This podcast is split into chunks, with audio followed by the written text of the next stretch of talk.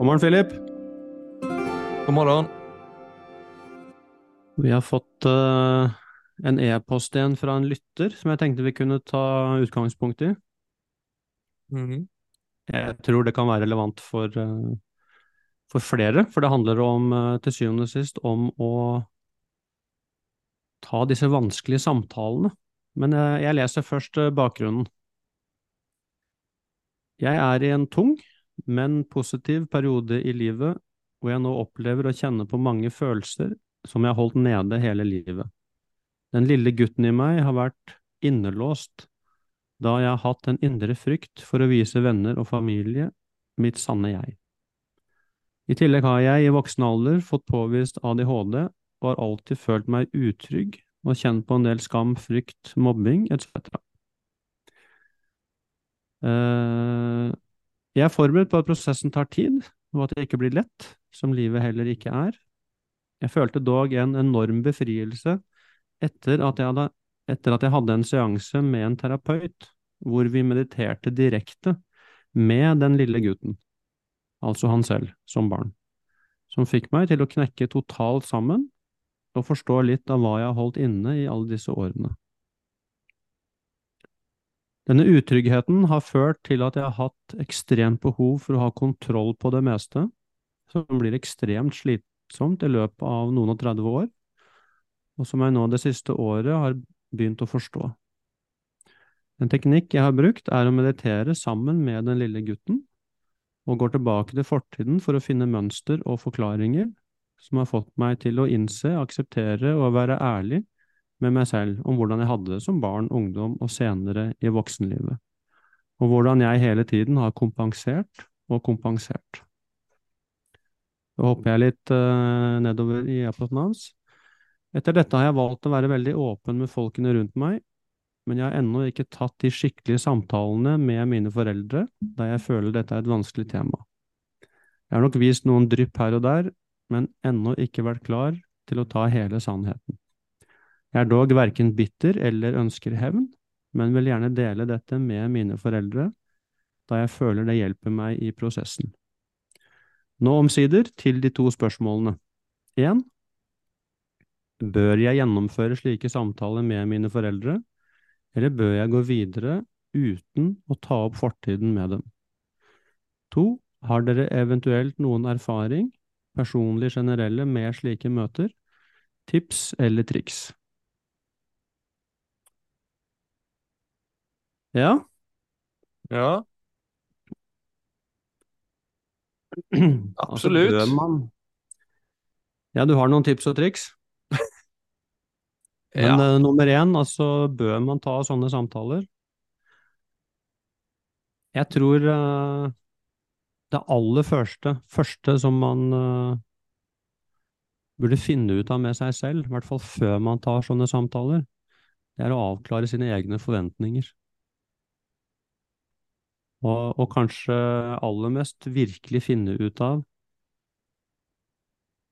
er det jeg som har behov eh, for å ta denne samtalen? Er det jeg som har behov bare for å uttrykke meg? For å si disse ordene? Eller har jeg et behov for, at, for å bli møtt? Altså Spørsmålet er hvor ligger ballen? Ligger den på min banehalvdel, eller ligger den på de andres banehalvdel? Jo, men er det tar- fel å søke et møte?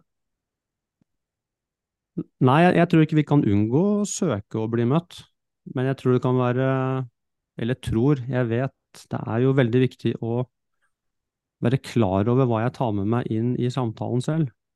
For det at hvis det primære behovet mitt er å bli møtt og forstått, Mm.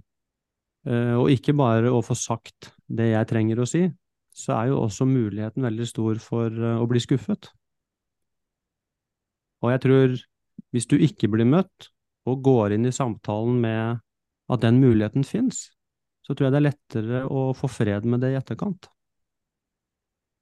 Sånn at eh, så, så ved å avklare egne forventninger, så står jeg altså mye sterkere eh, i forhold til utfallet da, av samtalen.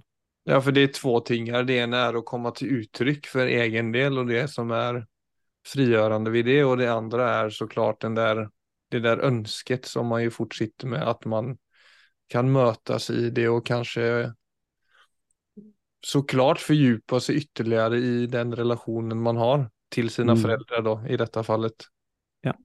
Men du kan gjerne, jeg tenker de som lytter, dette kan jo, det er jo det samme prinsippet uansett hvem det er man har behov for å ha en samtale med, så er disse altså grunnleggende prinsippene, de blir det samme. Så Altså, det er viktig å veta var man kommer fra, så at man ikke bare har fokuset på nå håper jeg på at jeg skal bli møtt, snälla, snälla, bare eh, det må skje, liksom. Ja, og særlig hvis det er noe i, altså i dette eksempelet, da, så sier han jo, han har jo ikke, det virker ikke som han er sint eller bitter eller egentlig noe sånt, og det er klart det øker jo sannsynligheten for at det blir en god samtale. Men hvis det ligger en konflikt der, altså hvor, og i en konflikt så har jo partene alltid forskjellig syn på, på hva som har skjedd og hva som er virkelig. Mm. Så hvis, eh, så hvis det er en veldig vanskelig relasjon, og jeg har et veldig sterkt ønske om å bli møtt, og at det er det viktigste, så må jeg jo si at sannsynligheten for at det ender godt, den er jo liten, altså. At vi mennesker, vi ser, vi ser eh, altså virkeligheten, vi ser relasjonene våre, vi ser historien, vi ser det forskjellig. Mm. Og det er utrolig viktig å huske på når han går inn i denne type samtaler. Så, så klart, så hvis jeg har behov for at du skal se det på min måte, så er det Ja, det er en Det er en forventning som, eh, som det er stor sannsynlighet for å ikke vil gå i oppfyllelse. Men hvis jeg sier til deg, Philip, kan, er du villig til å lytte på hvordan jeg opplevde det? Og så skal jeg lytte til hvordan du har opplevd dette. Det kan være en veldig god, eh, god inngang. Ja, for det er det jeg tenker på direkte. Mhm. At det er jo, man kan jo ikke benekte noens historie eller noens opplevelse av en situasjon. Det er Men, akkurat det, det. men der vil jo så klart når man vokser opp og om man blir utsatt for mobbing da, eller om man også opplever mye skam og skuld og så videre, så er jo tvil alltid noe som gjør at man kanskje blir enda mer opptatt av å få en bekreftelse av andre mennesker. Mm. Men om man kan da innan veta litt, altså om man har verkligen kunnet erkjenne at det var så her jeg opplevde det. Innan man kanskje går inn i de viktigste samtalen mm. og har, gjør det man kan for å verkligen forstå og lande i den erkjennelsen for seg selv, då. För det kan jeg jag ju känna igen mig väldigt upp igenom, alltså allt, allt man upplevde som negativt som barn är fort någonting som man kanske kan blamea sig själv för. Och så Ja, kommer, så, ja, eller alltså det blir liksom, oj var det någonting jag gjorde eller var det något fel eller kanske jag förtjänade att bli mobbad, hvis man för exempel var mobbad. Mm. Och så vill den tvilen ju melde sig när man såklart blir äldre också. Och hvis man ikke blir bekräftad så kanske det var riktigt då, kanske jag förtjänade det jag upplevde. Alltså det kan ju komma in väldigt mycket av den karaktären också. Ab- Absolutt. Det er eh, Jeg tenker den, hvis du skal se altså tips og triks i sånne ting, så vil jo jeg tenke at det å eh, Altså anerkjenne at vi faktisk ser disse tingene forskjellig, det er et veldig godt utgangspunkt. Det er, det er nesten en meditasjon eller refleksjon å virkelig prøve å ta det inn over seg. Og, og det som følger med det, det er jo, la oss si at vi to, da Philip skulle ha en samtale om noe vanskelig, at vi også går inn i samtalen med denne bevisstheten om å slippe, slippe hverandre fri. For at i det øyeblikk jeg går inn i samtalen med et veldig behov at du skal være på en bestemt måte, eller ha et syn på ting som er støttende for meg, så låser jeg også fast deg. Og det, Mm. vil, det blander seg inn i samtalen vår, og sånne ting er vi veldig var på. Så med en gang noen prøver å dytte oss til å enten føle noe eller tenke noe som vi egentlig ikke føler eller tenker, så vekker det sånn motstand i oss, og så begynner Og da begynner uh, ofte beskyldningen å hagle. Så begynner vi å heve stemmen og snakke fortere for å Akkurat som vi får bedre gjennomslag hvis vi gjør det, og så er egentlig alt tapt med en gang. Ja. Så i en sånn situation då, så är det ju, skulle jag mött mina föräldrar med vissa saker som eh, jag kan har lust att snacka med. För alla har Mm. väl det kanske till en viss grad, stort eller Ja, det vill vil jeg tro. Ja, jag vill tro det. Men att man då kan inleda med att det var så här jag upplevde en situation. Ja. Istället för att få dem till att tänka att, eller det som du tänker fort då, för jag tror ju föräldrar, jag är ju förä- pappa själv till tre barn så Mm. jag vet ju hur fort det kan, alltså hur fort man tar allt ansvar för sina barns svårigheter och vanskligheter. Mm. Eh, och så, så det kräver ju en viss jag vet ikke men, eller de krever at man är eh, mogen nog til å ikke gå i forsvar på et eller annet vis da. Ja, og det er jo vanskelig, det er jo veldig vanskelig for oss. Så det krever jo ganske stor bevissthet da, hos begge parter, å ikke gå i forsvar. Og særlig når det dukker opp vanskelige temaer hvor vi også hvor vi er involvert. Så det er jo sånn, sånn, og det er greit å vite hvem man snakker til også. Er det den jeg skal snakke til nå, ikke sant? Har de den bevisstheten? Har de jobbet nok med seg selv til å kunne holde seg åpen i en vanskelig samtale? For at da holder jeg også, justerer jeg jo forventningene mine deretter. Og, og hvis du vet at du har foreldre som lett går i forsvar eller blir emosjonelle, så er det jo også noe med å forvente at da gjør de sikkert det nå også. Men er det fortsatt viktig for meg å få sagt dette? Ja, da, da vil jeg tenke at man er på et godt spor. Og, og hvis, hvis det er en større åpenhet der, så vil jeg også tenke, Philip, men vi kan igjen ta oss to som et eksempel, bare sånn siden vi snakker med hverandre nå, at vi at når jeg skal snakke til deg om noe som er vanskelig, at jeg er veldig bevisst på mitt eget språk. At jeg snakker om min egen opplevelse, og ikke snakker til deg. Jeg skal ikke overbevise deg om noe, jeg snakker om min egen erfaring. Mm. Det er det ene. Og det andre, at jeg også husker på å snakke om hva jeg følte, og hva jeg, og hva jeg føler. For at når vi snakker om noe som er personlig, og vi snakker om hvordan vi faktisk opplevde hva vi følte, særlig rundt vanskelige ting, hvis folk er sluppet fri, så vil de fleste bli For da, blir, da, da når du faktisk frem, det er det som er så rart. I det øyeblikket jeg snakker om meg selv, på en, på en ærlig måte, så er det mye større sannsynlighet for at du blir truffet av beretningen min. I det øyeblikket jeg prøver å overbevise deg om noe, så er det mye større sannsynlighet for at du setter opp garden. Så det er igjen noen sånne altså tips eller triks, da, men altså det er jo egentlig å skjønne litt av hvordan kommunikasjon fungerer, og hva som gjør at vi For der er vi stort sett ganske like. Det kan du si, hva er det som gjør at jeg setter opp garden? Hva er det som gjør at jeg får lyst til å dytte folk bort? Når er det jeg blir truffet av, av andre menneskers beretninger og følelser? Så tror jeg nok vi ser at vi er ganske like der. Det er ingen som liker å bli presset til å se ting på en spesiell måte. Altså, vi er nødt til å føle fritt. Ja, og det er jo helt klart at du skaper utrymme for två historier i stedet for at man må liksom pressas inn begge två i en og samma upplevelse som man uansett aldri har. Ja. Utan det må ju vara, det må ju vara, ligga ett intresse i att møtes som människor grundläggande sett. Ja, ideelt sett. Det hjelper veldig godt, hvis det er til stede. Jo, men det är ju som du säger, det blir mycket lättare om man då inte startar med att säga du är sån eller jag är sån eller och så vidare. Men att om man Ja. om man bara inleder med att detta är min min sida av saken och så är jag liksom väldigt öppen och intresserad av att höra hur ni har upplevt detta. Ja. Så vill ju det fort, fort, bli två stycken upplevelser i historier som bägge två kan få respekt för. Absolutt. Men där har jag sån, jag, jag följer det med föräldrar eller vänner generellt sett, att ju längre man lever och ju mer trygg man blir på sin egna sak, så som, eller lite det jag inledde med också, eller ju mer man förstår av sig själv och det som är, är faktiskt är viktigt för en, Mm. Ju lättare blir det att ikke vara så opptatt av hur andra, hur andras egentligen version eller potentiellt sett reaktion då, oavsett om man klarar av att formulera sig på en fantastisk måte, så känner man aldri aldrig till utfallet som du själv säger. Men då Mm. blir det primära fortfarande det att jag fick uttryckt det som var viktigt och det som är riktigt. Ja. För jeg har forstått jeg, har, jeg er ikke full av tvil lenger på hvordan jeg har opplevd situasjoner.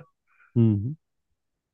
Ja. Og da er det som du sier, da kan det faktisk virke sterkende på en trots at man ikke nødvendigvis alltid får den responsen som man kanskje ønsket, men man står, man står tryggere i seg selv.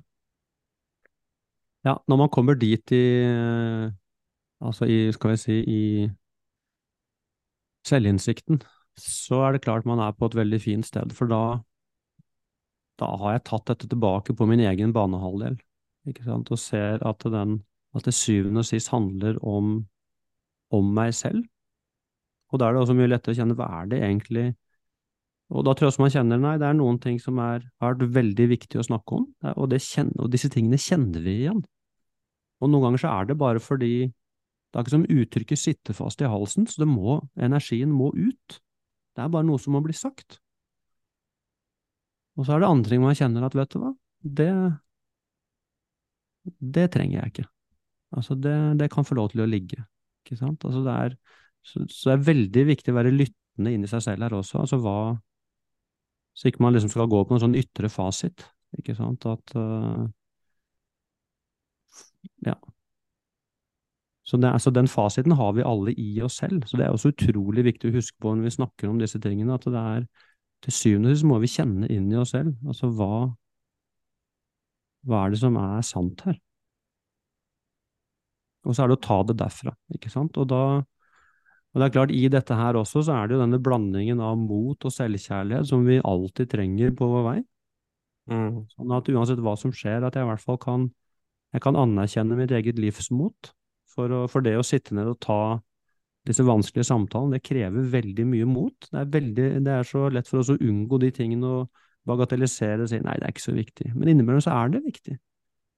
Og det å da gå til disse menneskene og si vet du hva, nå må vi, nå må vi snakke, nå må vi ha en, en vanskelig samtale. Jeg må, jeg må snakke med dere nå om noe som er vanskelig. Det kan være en sånn fin en eller annen sånn innledning hvor de skjønner at oi, nå kommer det noe nå kommer det noe ordentlig.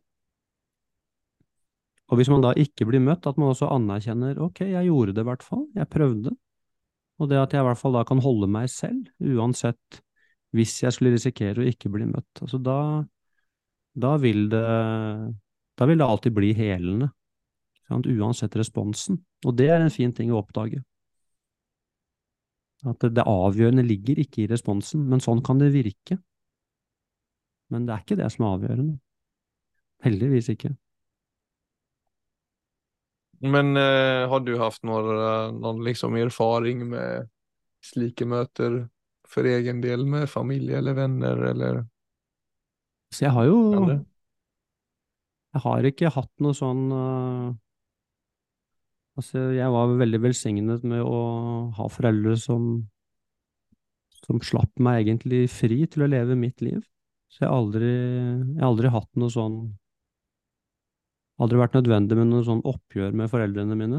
Så, så det har det aldri vært noe sånn liksom den type veldig dramatiske ting sånn uh, hjemme. Det har det ikke vært behov for. Men vi har, vi har jo hatt masse sånne altså alvorlige samtaler som av den typen som vi snakker om nå, og vi sitter ned og, og følger da disse prinsippene, da, altså med å snakke om det som er vanskelig, og, og være ærlig og gi rom for de andres opplevelse, så Men ikke noe sånn Ikke noe sånn uh, drama, som jo veldig mange har. Jeg har ikke hatt det med har ikke hatt det i min oppvekst på den måten. Jeg har jo hatt det med noen venner, altså hvor det har vært uh, altså vennskap som faktisk har Noen har blitt uh, tilhellet, andre har gått i stykker. Så, det, så jeg har jo erfaringer på både å bli møtt og ikke bli møtt på den type ting. Og vice versa også, når andre har hatt behov altså for min forståelse, og, og noen ganger fått det, andre ganger ikke, ikke fått det. Så Mm. jeg kjenner til begge, begge sider av det. Men det har alltid vært en sånn greie i meg at, eh, At hvis noe er ferdig, så er det ferdig. Det har jeg alltid hatt en sånn total aksept for. Så at hvis, det, liksom hvis det, det som er sant, at nå er en relasjon ferdig, så, så har det alltid vært uh, Altså at du hviler i det, eller om, du ikke, om ikke det blir Ja. et naturlig møte med det mennesket, så er det så det skal være. Ja. At Akkurat liksom alle ingenting er jo altså ristet i sten, så, men det er noe med det. det er sånn de ble nå. ja, alle relasjoner har et livsløp. Det, og det Og det tenker jeg jo innimellom også sånn. Jeg, jeg synes, jeg husker jo faktisk fra altså helt fra jeg var ganske liten at jeg syntes det var veldig rart med dette altså Bare fordi man var familie, hvorfor man nødvendigvis skulle være sammen, liksom. Det skjønte jeg aldri. For det, jeg så jo det at i sånn storfamilie så var det jo mange mennesker som ikke De hadde det jo ikke noe bra sammen. Nei, det er noe ikke du på en måte ensam om, men det er nog ikke så mange som, som tar det helt eh, videre. Jeg, jeg har kanskje moderert meg litt på de tingene, men altså det er eh, Det har eh, Altså det å holde fast ved noe som er ferdig, det Det er altså noe med å sjekke ut sånne ting, tror jeg. Ikke sant? Altså, for det Altså når, når vi vil noe som ikke er, så setter vi oss fast selv. Og det gjelder jo også relasjoner. ikke sant? Altså Hvis jeg vil noe med en relasjon, eller i en relasjon, og det ikke ligger i relasjonen, så får jo jeg et kjempeproblem. Og da opplever jeg jo at problemet ligger i relasjonen. Jeg ser ikke at den ligger i meg. At jeg vil noe som er umulig. Jeg vil at den andre skal se ting på en annen måte enn vedkommende faktisk gjør. Jeg vil at de skal føle annet enn det de gjør. Mm. Så det er noe med også den Så det er klart, så det å kommunisere sånn som vi snakker om nå, altså det krever egentlig en veldig klarhet. Altså ved relasjoner er det mest kompliserte som fins. Det er to verdener som kolliderer. Så, men vi ja, snakket jo litt om døden også innan vi gikk på her nå, og det er jo noe med vi människor ønsker jo gjerne å holde fast vid både mennesker, altså vårt liv, våre yrken. Mm. Alltså vi har jo litt svårt for å bli med at allting hele tiden forandrer seg. Ja, det er veldig vanskelig for oss, selvfølgelig. Og så så mentalt å kjenne, og mentalt å faktisk vite når en relasjon Mm. ikke lenger er bra eller fungerar. Så är vi så ovana vid också att ta sådana uppgör så det blir väldigt sårbart. Alltså vi är ju generellt sett då dåliga på att bli med livets övergångar. Ja. Och så med tanke på att vi stritter så pass imot så blir det också extra dramatisk for at vi, vårt system er ikke, eller vårt apparat er liksom ikke robust nok for å ta de oppgjørene alltid. Det er veldig sant, Philip. Altså det, og det kan jo være også greit å, å tenke litt over, ikke sant. Dette med å Altså det er jo vanskelig nok for oss mennesker å altså slippe tak i ting, altså materielle ting. Vi kan jo bli utrolig knyttet til ting og gi dem så altså mye symbolsk verdi. Ja, og det jo, burde jo egentlig være veldig opplagt for oss at tingene kan vi i hvert fall ikke de endrer seg hele tiden, og de får jeg i hvert fall ikke tatt med meg videre. Nei. Og så er det jo, i relasjoner så er det jo kanskje enda vanskeligere, og til syvende og sist, som vi snakket om også, så kommer det til, jeg eier jo, jeg eier jo ikke min egen kropp engang. Altså til og med den vil jo bli tatt fra meg en dag, ikke sant? Så det er jo voldsomme, men det er klart jo mer vi klarer å bli med inn i at ja, sånn er faktisk livet, alt endrer seg hele tiden, også relasjoner. Og så klarer jeg å være med i, ja, i den dansen sånn som den er, da. Ja, Men jag er- tycker det er vanskelig nå når jeg har fått barn. merker jeg. Mm. Alltså jag kan ju träffas väldigt starkt av hur jag vill hålla fast i vissa stunder och ögonblick. Mm. Det är ganska nytt för mig för jag har varit väldigt lite liksom bakåt strävande eller nostalgisk eller vad man vill kalla det. Mm. Tänkt mycket framåt eller förhållit mig till det som är. Men med barnen, Og så har jag har en bakgrund med en del dödsangst, så det, har ju, det, har, det var ju väldigt starkt när jag var barn och ungdom, har varit lite mindre som vuxen, men ändå kommit i, kunnat komma i små och stora explosioner. Och det med att icke, eller den følelsen jeg ofte kan få er det at jag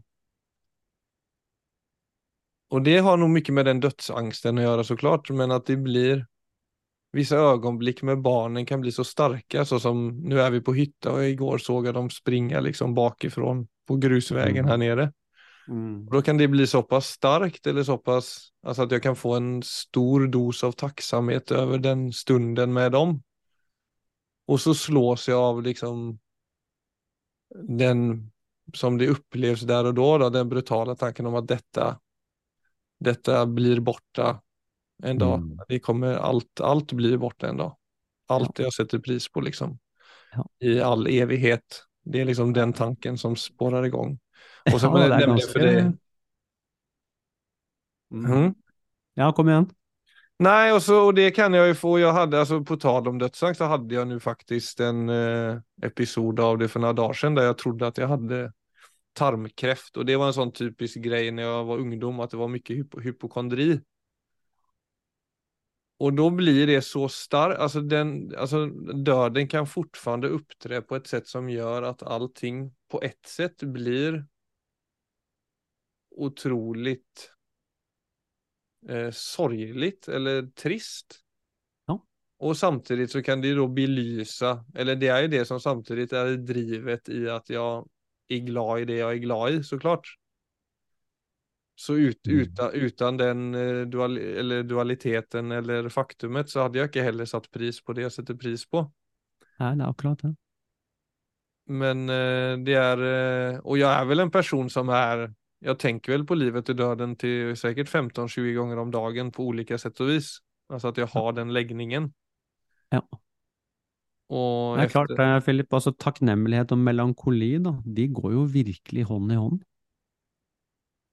Og det er jo noe med, altså det du beskriver der, altså disse, altså sommerøyeblikkene da, altså når, og så, så ser du det, og så fylles du bare av kjærlighet, og, og samtidig så kommer tanke nummer to, det er bare, åh, dette, eh, ja, dette kommer ikke tilbake, ikke sant, og de vokser jo opp, og de vokser jo fort, og så man akkurat som, man prøver å holde fast ved noe som bare glipper gjennom, eh, akkurat som vann som går gjennom fingrene dine.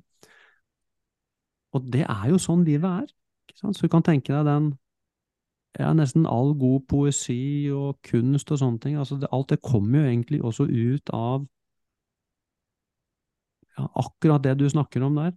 Ja, for det er sånn, det setter eksistensen så på, på spissen, mm, og da er det på en måte noe med å Og da kommer jo egentlig valget, da. Altså hvis, det er klart, hvis vi prøver å Hvis ikke vi, vi kjenner nei, det har jeg ikke lyst til å bli med på, og, og setter oss fast der, så tror jeg faktisk vi får angst. Altså Veldig ofte er det det Kanskje mye angst handler nettopp om det.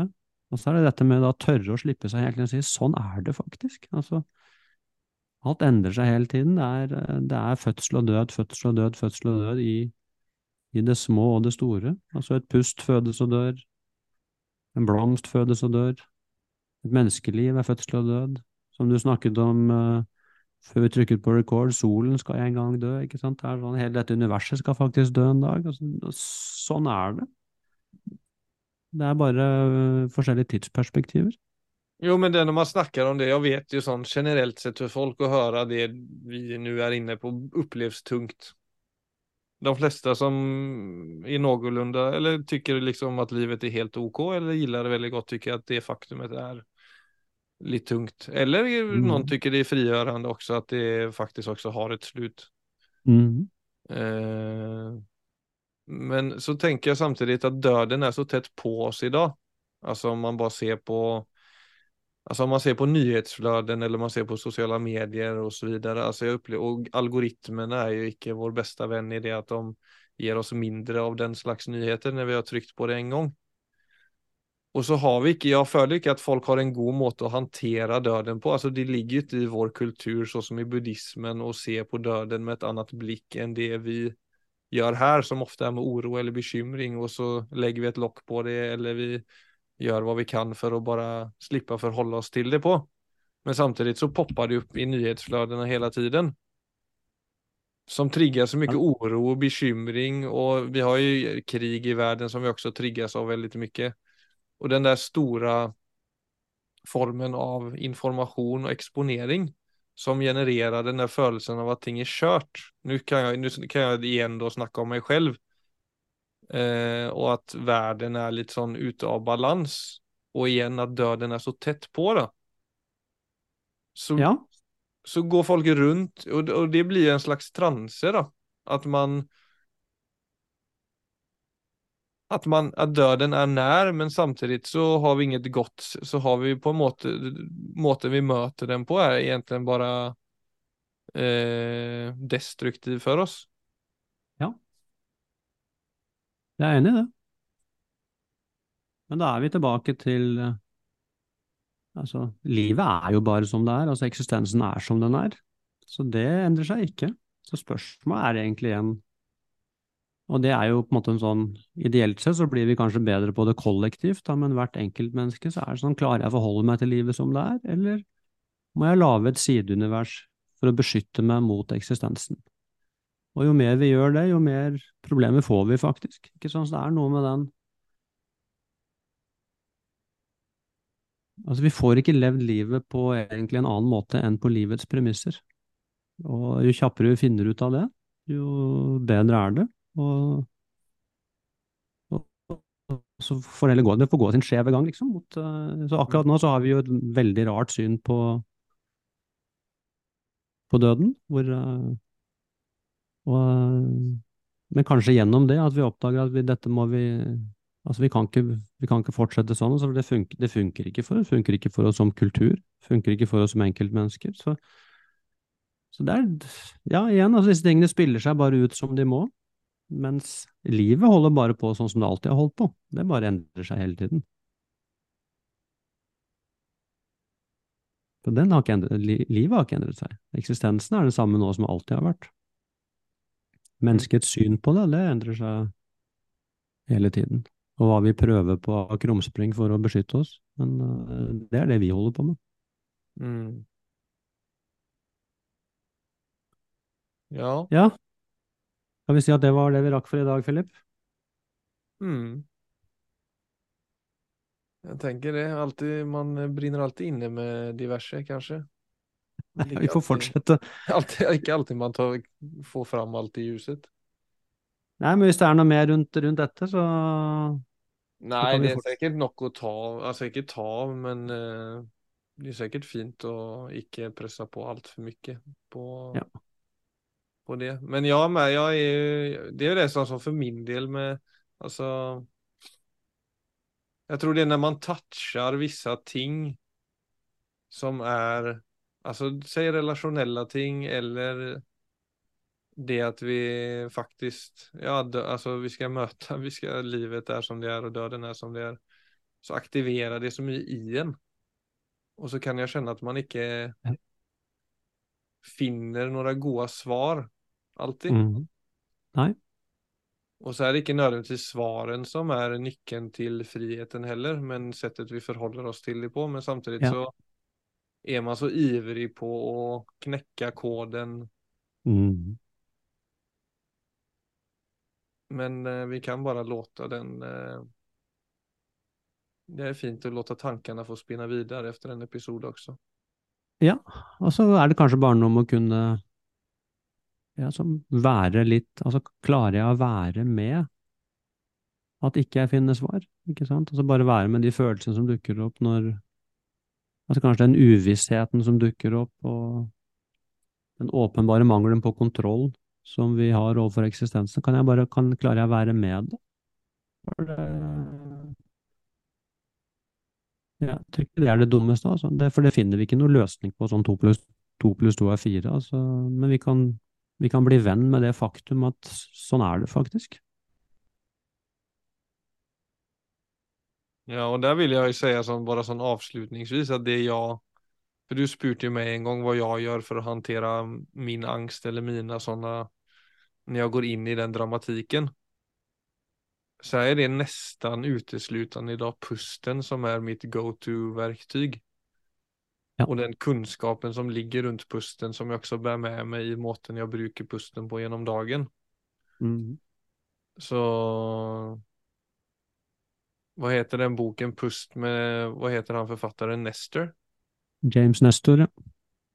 Ja, som er utrolig eh, jeg har ikke lest hele den, men altså liksom delvis fra den. Men hur, hur, Også en sånn ny grej jeg hørte om pusten som jo også så, var så fint tyckte jeg, at når du puster ned i magen, altså ja, det aktiverer det parasympatiske nervsystemet som er det som gir kroppen möjlighet til ro. Mm. Men att det också, att också diafragman som sitter under bröstkorgen Mhm. varje gång du puster dypt så masserar det alla inre organ som väldigt Mm. fort spänner sig vid stress, oro och bekymring. Mm. Så det är inte bara det att vårt nervsystem får möjlighet till ro, men när vi pustar dypt och gärna ut via bröstkorgen, inte ut med magen, för det kan ofta bli en sån att man gör det på en onaturlig måte. Men att man ska känna att bröstkorgen egentligen utvidgar sig från sidan och ut Mm. eller ribbekassa som det heter på norsk.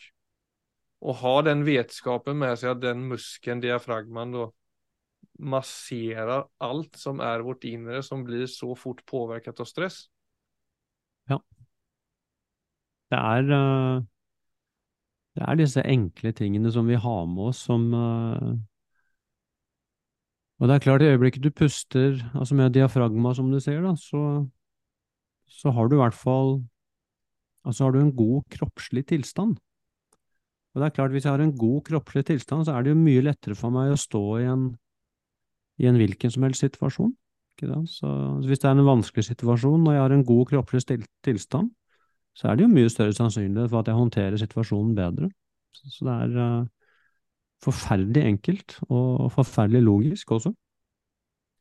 Og så er det igjen bare dette med å ja, ta det inn over seg, da. For dette er jo igjen noe man må ta på alvor for å, for å gjøre det, selvfølgelig. Men det er eh, Ja, men man kanske seg så fort. Det är ju, ting går jo undan, en dag går undan så det er fort å glemme seg. Og man kan jo Ja. ta det, man kan jo fort tenke at nå skal jeg gjøre det når jeg får panik, men det ja, det er jo liksom fra person til person hva, man, ens hjerne på en måte er förmögen til å klare av, men så som for min del å bare prøve så godt jeg kan å være bevisst pusten litt sånn titt som tett gjennom dagen. Jeg føler at det hjelper sånn på, Jeg blir litt mer hungrig til og med, Fordøyelsen blir bedre. Jeg slapper av Mm. mer i kroppen, Jeg er mer til stede i det jeg gjør. Jeg sover bedre, faktisk. Altså, jeg, Ja, ja, ja. den, altså, bare den tilgangen til det å være litt mer med pusten. Mm. Och så er jeg ikke helt klar over hvordan jeg puster per automatikk, men jeg tror ikke jeg puster helt, altså, Jeg tror jeg har en del eh, lager med upparbetad eh, stress gjennom visse perioder i livet. Ja, Mest Så- sannsynlig, men det er derfor Jeg tenker jo sånn, Philip, det du sier der, det å Det å ta dette på alvor, så er det jo også noe å skjønne at det tar jo mange år å altså kanskje få gode pustevaner gjennom en hel dag. Men hvis man bare Man må begynne der, der hvor man er, så er, vil det jo Det er en veldig interessant ting å bli med på også, og ikke bare bli så resultatorientert, men å se at ja, det kan også få lov til å utvikle seg, sånn som, eh, sånn som alle andre ting.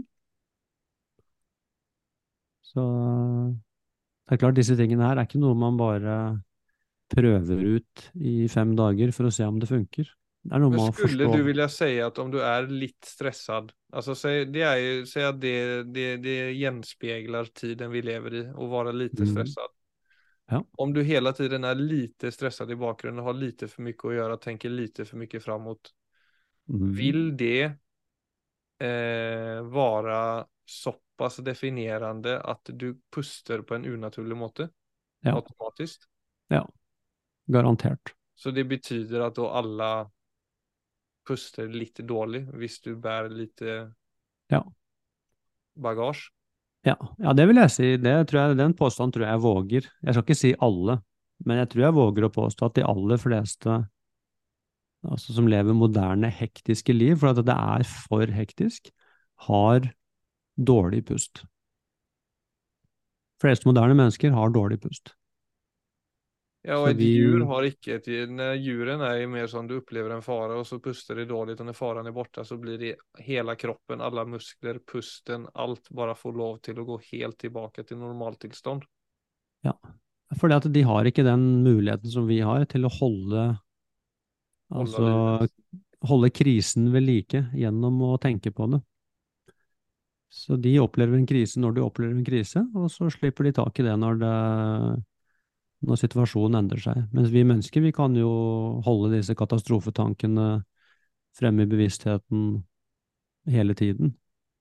Eller kanskje, om ikke katastrofetanker, så i hvert fall sånn ting vi burde ha gjort og skulle huske på, og ting ved oss selv som ikke er bra nok, og ikke sant? så alle disse som jo er stresstanker. Og da holder vi systemet stresset Eh, også når det faktisk hadde vært mulig å slappe av. Og det, og det er jo vanskelig, for det, dette handler jo også om, som vi har snakket om mange ganger, da, den ferdighetstreningen til å til å til å også håndtere mitt eget sinn, og bli klar over hva som skjer der, og egentlig begynne å slippe tak i alle de tingene som bare skaper uro. Og det er jo akkurat som med pusten, så er jo det noe man kan prøve på den dag eller to og si at jeg klarer det ikke. Nei, for det er et ferdighetssett. Så det, det er også noe man må man kan bli flink til gjennom å ta det på alvor over jeg vil si, lang tid. Prinsippene er enkle, men det å få det til i hverdagen, det tar tid. Ja, men det er jo Jeg tenker for alle som søker etter bekreftelse eller søker på svarene der ute, så er det en stor hemmelighet eller en stor innsikt i at du kanskje ikke ser mulighetene. For at du ja. ikke har klart av å gi mentalt eller kroppslig slipp for egen del. Ja. At du er du er egentlig litt for spent ja, ja, ja. Og det er jo helt utrolig at, altså, at, i 2023 så er det en stor hemmelighet ikke sant? at gjennom å puste bedre så kan du få et helt annet liv. Og at det faktisk er mulig for deg å, å bli fri fra altså den derre tyrannen som sinnet ofte er. At det er like enkelt egentlig som å kultivere kjernemuskulaturen din og kondisjonen din. Og at vi fortsatt ikke har etablert det som en praksis i kulturen, det, det er jo det er virkelig absurd. Det, at det er en hemmelighet, altså det, det er Ja, men det er helt komisk. For ja, altså det er ja. det som er så komisk i det. At når du er i god kontakt med deg selv versus det å ikke være i god kontakt med deg selv, så føler du at ting er komplisert. Du tror at du mm. trenger mer for at livet skal være bra nok, mm. så videre. Men når du er på et godt sted i deg selv kroppslig og mentalt, så merker du hvor lite du faktisk trenger for å ha det bra. Ja. Og den slår for meg aldri fel i at herregud, så mye man går rundt og lurer seg selv. Mm. Men så har man jo da, altså si for min del, da, mellom 20 og 30 år vært helt uten den typen av verktyg, og man bare har blitt med i livet så som det har presentert seg. Ja. Og så tror man da at livet er så som det er, at det er kanskje vanskelig, at det er svårt å finne ut av ting, at uh, allting har en viss liksom kompleks, kompleksitetsgrad, mm. liksom. Ja. Men det, men det er jo sånn 20-årene skal jo kanskje Men det å klare å snu det ikke sant, en eller annen gang i 20-årene, det eh, det er ikke det dummeste når man holder på sånn når man er 60 og 70 og 80 og 90. Og fortsatt tro at det er noe der ute som må endre seg. Og at tomt her inne. Ja. Nei, man må starte med sitt egne fundament. ja. Man blir ikke okay, av det i beste fall heller. Man blir motsatt. Nei, nei, nei. En bedre far, en bedre partner, en bedre venn. Men det er mange som går denne veien som du ja. tror ditt självantagna også. Men det kan vi ta neste gang. ja, det er for en annen dag. Ja, ok, nej men härligt. Da sier vi takk for i dag. Takk for i dag. Podden.